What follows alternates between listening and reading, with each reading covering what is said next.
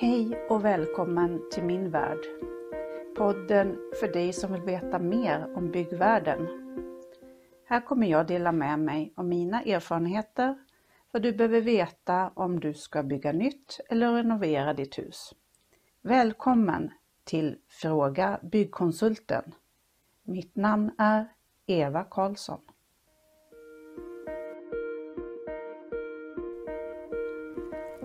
Tycker du om det du hör så tryck på tumme upp. Följ min podd så att du inte missar nästa avsnitt och dela gärna så att fler får ta del av min kunskap. I det här avsnittet kommer jag prata om de olika rollerna som finns i ett byggprojekt. Du kommer träffa väldigt många personer med olika roller om du ska bygga om eller bygga till ditt hus eller då du bygger ett helt nytt hus.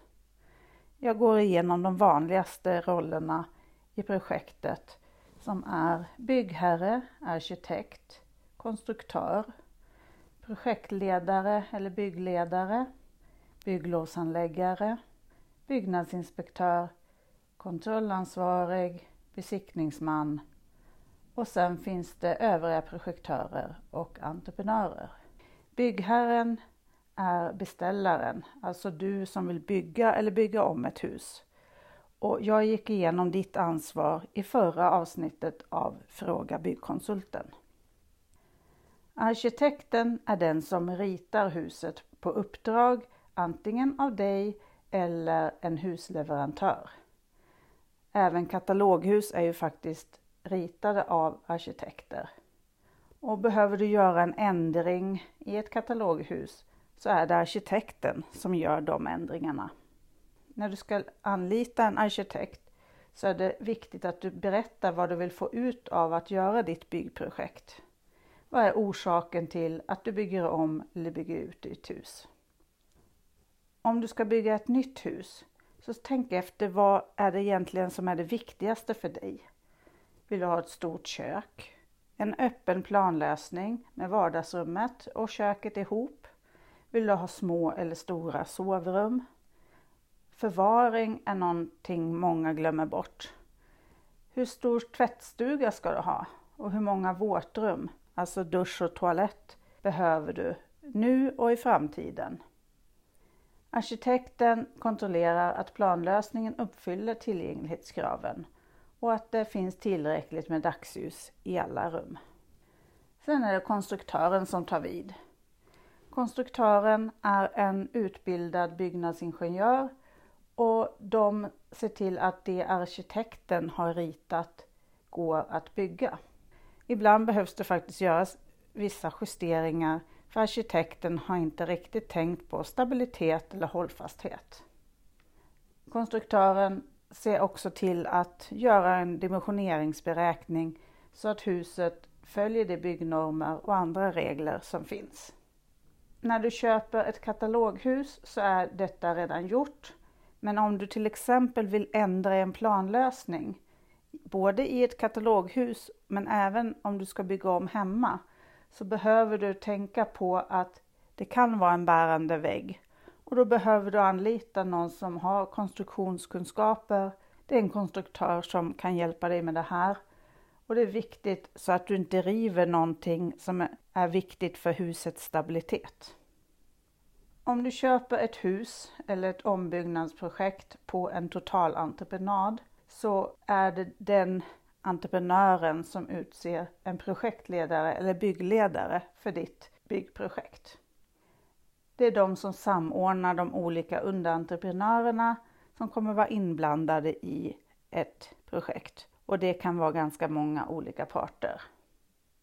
Denne person är även din huvudkontaktperson i ditt projekt. Det gäller att man pratar med den som är huvudansvarig och inte går och pratar med alla som råkar befinna sig på ditt projekt. För då kan det leda till fördyringar om du går och önskar saker av fel personer som tar det som en beställning.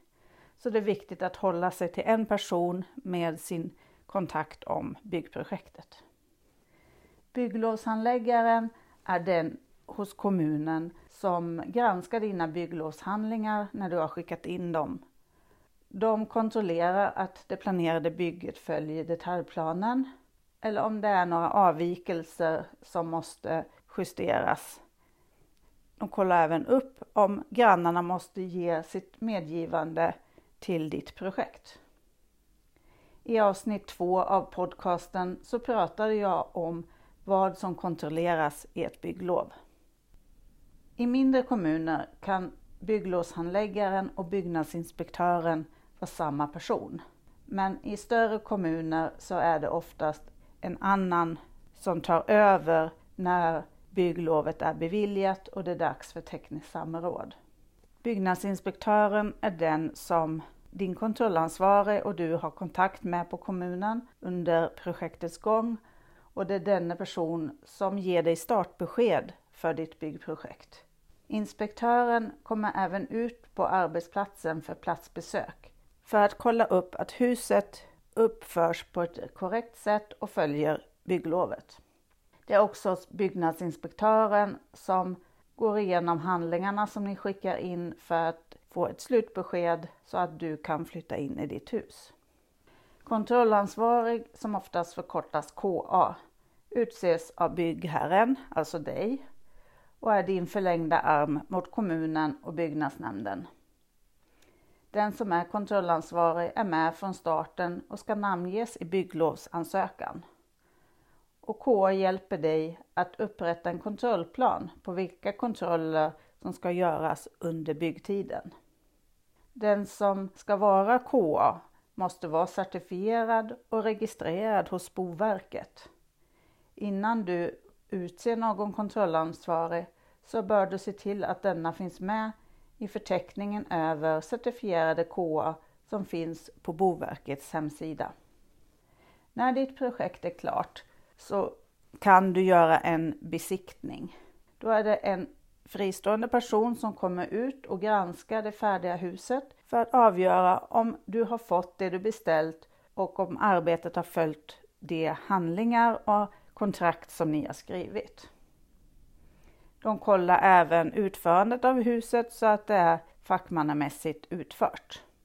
Det finns besiktningsmän för varje kategori. Bygg, el, rör, ventilation. När besiktningsmannen har godkänt byggnationen så utfärdar hen ett besiktningsutlåtande. Och det är från det här datumet som garantitiden börjar gälla och som reklamationstiden räknas från. Och det är nu din vanliga hem och villaförsäkring behöver finnas på plats som ersätter den som gällde under byggtiden. När du projekterar, alltså ritar upp ditt hus, så kan du förutom arkitekten och konstruktören behöva anlita en ventilationsprojektör, en VS-projektör som ritar vatten och avlopp och en elprojektör. Om du handlar upp på en totalentreprenad så är det den du handlar upp som kontakta de olika projektörerna och sätter samman en grupp som ritar ditt hus. På entreprenadsidan finns det också väldigt många.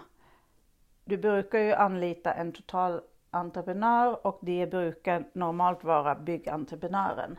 Sen finns det ventilationsentreprenörer, VS, alltså rörentreprenör, elentreprenör. Du kommer även träffa målare, kakelsättare och markentreprenörer, bland många fler. Om du har några frågor om det här avsnittet eller frågor på tidigare avsnitt i min podcastserie så gå till www.frågabyggkonsulten.se och ställ din fråga där. Så välkommen igen till Fråga Byggkonsulten. Och mitt namn är Eva Karlsson. Tycker du om det du hör så tryck på tumme upp. Följ min podd så att du inte missar nästa avsnitt och dela gärna så att fler får ta del av min kunskap.